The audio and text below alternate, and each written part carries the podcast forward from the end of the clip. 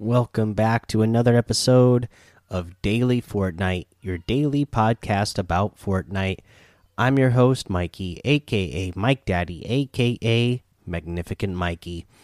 All right, so not a whole lot of news going on. Uh, just a little update letting you know that the uh, snow is melting around the map, so that's always good to see. I'm I kind of you know even looking at the map with snow, uh, I have a hard time.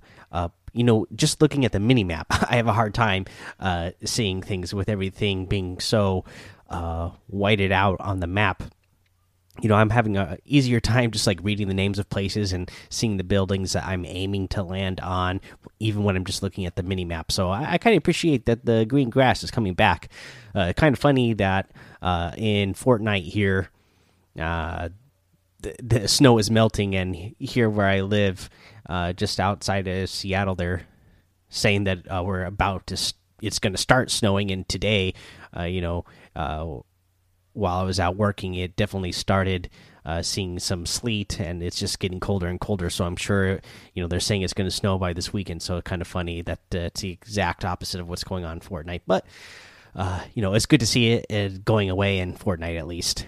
Uh, let's see here. That means, uh, you know, right now there's no more lightsabers, and from what I've seen, there's no more snowball launchers either. So I I also appreciate those being gone. Uh, you know, in the core mode, uh, th those things can be a little bit game breaking sometimes. Sometimes you're having a great game, then you run into somebody with a lightsaber or the snowball launcher that's just spamming you like crazy at the end of a game when you thought you were about to, you know, have a great double digit win. Uh, and then you end up just getting double digits and not the win sometimes kind of a letdown. Uh, but uh, there'll be less lightsabers and snowball launchers that are going to uh, prevent you from pulling that off now.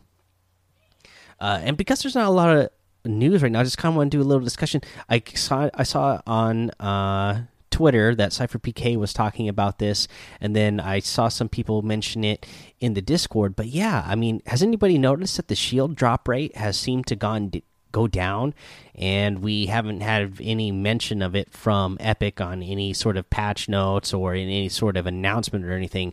But it's something i've noticed myself the past couple of weeks. I mean especially compared to the beginning of this season it felt so great because man i was finding shields all over the place. I was like man there's so much shields. Like i never go without shields. This feels great. I always have a chance. Even after i get done with a battle i have a chance to heal back up.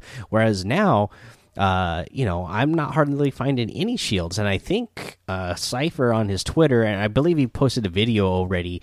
You know, he opened up like over 30, almost 40 chests, and didn't find one single shield. Or if he did, I think he said maybe he found one single big pot, big pot, something like that, something ridiculous. But uh, uh hopefully, they're going to take a look at this shield drop rate because it's kind of getting back to the the the OG Fortnite days where we there wasn't hardly any shield to be found anywhere. Uh, I kind of liked the the higher drop rate on shield, so hopefully that that'll be coming back soon. Uh, for challenges, those new challenges haven't come out yet. They're coming out tomorrow. So for now, just remember to put your party assist challenges on and uh, be ready for those new new challenges uh, tomorrow morning. Uh, for now, let's go ahead take a break. We'll come back and we will go over the item shop and a tip of the day.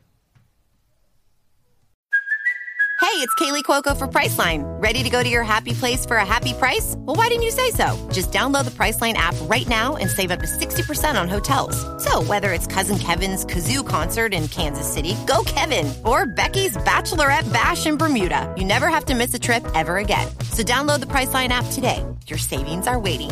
Go to your happy place for a happy price. Go to your happy price, Priceline. All right, let's take a look at today's item shop, and it's a really good item shop today. Uh, first up, we have the Spider Knight outfit in the item shop today with the Arachne outfit. You have the Web Breaker harvesting tool and the Hatchling glider. Uh, this all part of the Arachnid set. I'm a big fan of this set in general. You have the Copper Wasp outfit, the Power Punch harvesting tool, the Stinger wrap, and the Suki outfit, which you guys know I've said it many times that this is one of my favorites in the game as well. You have the Toy Trooper outfit back in the item shop and the Plastic Patroller outfit. Love both of these. Even they even after they release the scuffed up version so that they be a little bit easier to see when they're you know in the grass you know i still really like them.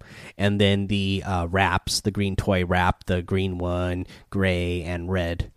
Uh, let's see here. You have the waypoint outfit which is nice. Uh, the scout outfit uh, good clean one fractal zero wrap the 8-bit beat music, the Sugar Rush emote, and the Bring It emote. Uh, yeah, just overall really good item shop today. You can also get the Polar Legends pack, the Darkfire bundle, and the Wavebreaker starter pack, all in the item shop today. And you can use code Mike Daddy M M M I K E D A D D Y in the item shop, and it will help support the show. Hashtag sponsor.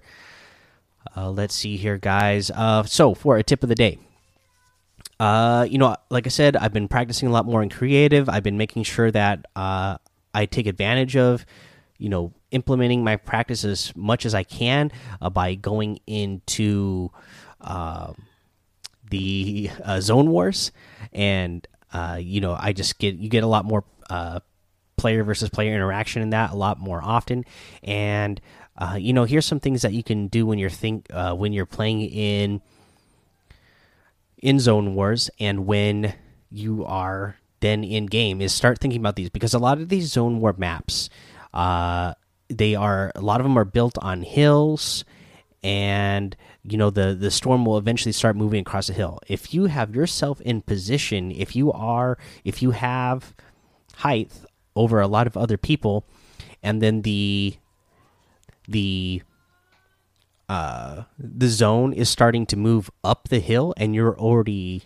on the higher part and you see that there's people down below this is the perfect time to be you know a lot of times you don't want to be too aggressive and be peeking too hard because uh, you never know who's going to be out there getting being ready to snipe. But at, at this point this is a great time to be a little bit more aggressive because if people are down on the lower part of the hill and they have to start building up they uh, are it's going to be a lot more likely that they have to expose themselves to build up, uh, just because it's not it's you know it's still not easy. You know you can do the ramp and then put the cone and the edit and then do another ramp thing but that's still not that's not an easy move to pull off and it's still not perfect.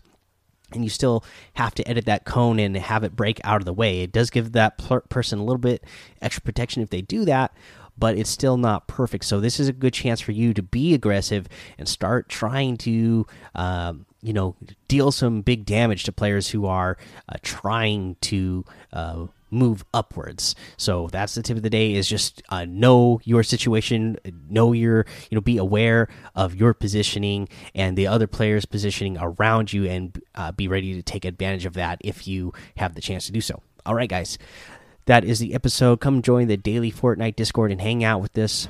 Uh, follow me over on Twitch, YouTube, and Twitter, Mike Daddy on all of those. Head over to Apple Podcasts, give a five star rating and a written review for a shout out on the show. Subscribe so you don't miss an episode. And until next time, have fun, be safe, and don't get lost in the storm.